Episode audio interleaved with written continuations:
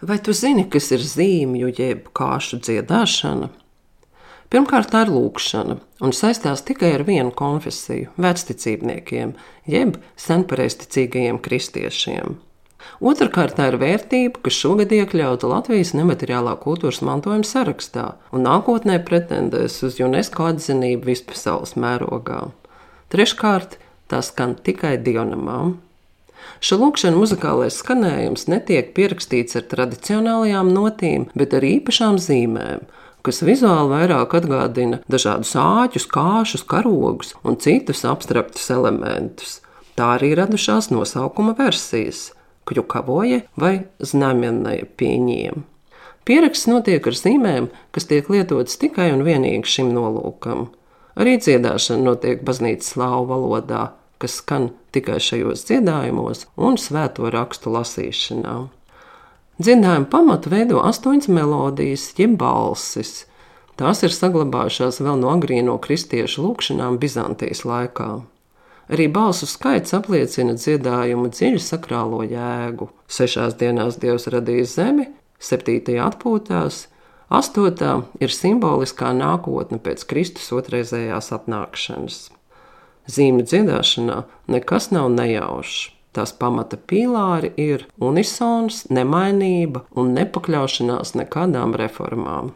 Uz Kijavas krievzem zīmju dziedāšana atceļoja vēl pirms tās kristīšanās 988. gadā. Pastāv liecības, ka tieši grieķu dziedājumu eņģeļiem līdzīgais skaistums bija izšķirošais iemesls, lai kņas Vladimirs Krievzemē pieņemtu austrumu kristietību. Turpmākajos gadsimtos Krievijas klosteri bija kā muzikālās laboratorijas, kur saskarsmē ar grieķiem attīstījās vairāki zīmju dziedāšanas virzieni. Līdz 17. gadsimta vidum tie sasniedza meistarības virsotnes. To nodrošināja profesionāli reģenti, kori un dāsnais galma atbalsts, kas beidzās līdz ar traģisko Krievzemes pareizticības šķelšanos pēc 1666. gada reformām. Tās paredzēja modernizāciju un atteikšanos no visiem senajiem Bizantijas elementiem, tostarp zīmju dziedāšanas, kas arī tika nolādēta un izslēgta no reformētās baznīcas. Tās vietā nāca daudzbalsīgs dziedājums, bet vesticībnieki devās trimdā, kur saglabāja dziedājumu tradīcijas pēc senajām dziesmu grāmatām. Latvija šajā ziņā izrādījās unikāla. Te dziedājumi ir saglabājušies visā autentiskajā veidā, joprojām ir kopienas liturģiskās dzīves pamats un šīs ticības identitāte. Tie veido vismaz vienu trešdaļu no divkalpojuma laika. Ir teiciens, lasīšana svēta, dziedāšana trīskārt svēta. Unikāla šo dziedājumu rīta īpatnība ir to dinamiskā tekstu struktūra.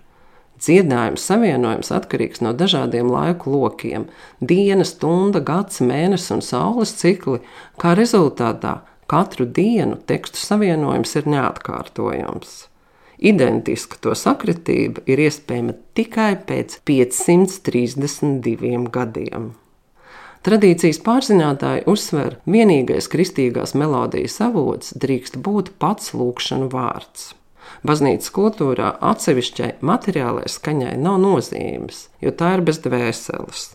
Vērtību un nozīmi iegūst tikai tā skaņa un intonācija, ar kuru tiek skandēts vārds. Šī melodija, lūkšana vārda intonācija, pastāv veselumā. To nevar atdalīt no vārda, nevar sadalīt sastāvdaļās. Tādā veidā baznīcas dziedājums sastāv no gataviem melodiskiem kopumiem, formulām. Katra tā atbilst noteiktai idejai, kristīgam principam, lūkšanas garam, tāpēc ir nedalāma. Pastāv uzskats, ka šos dziedājumus to viscenākajā izpausmē nevar dēvēt par mūziku, jo tā saistās ar laicīgo, negarīgo dimensiju. Uz to norāda arī lingvistiskā atšķirība, ka tikai baznīcas dziedājumus dzied, pajūt, bet laicīgo mūziku spēlē, igrājot. Tāpat šajā baznīcas tradīcijā nekad nav lietoti mūzikas instrumenti, jo tie nespēja lūgties. Turklāt Dievs kā vispilnīgāko instrumentu ir radījis cilvēka balsi, uzskata vecticībnieki.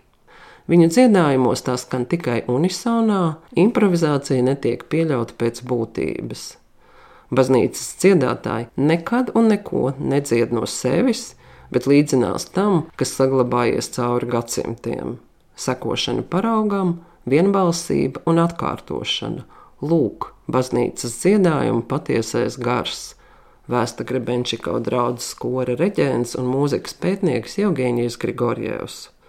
Šis koris sešu cilvēku sastāvā ir vienīgais profesionālais zīmju dziedāšanas koris Baltijā un dzied katru dienu, tāpēc arī tradīcija ir saglabājusies.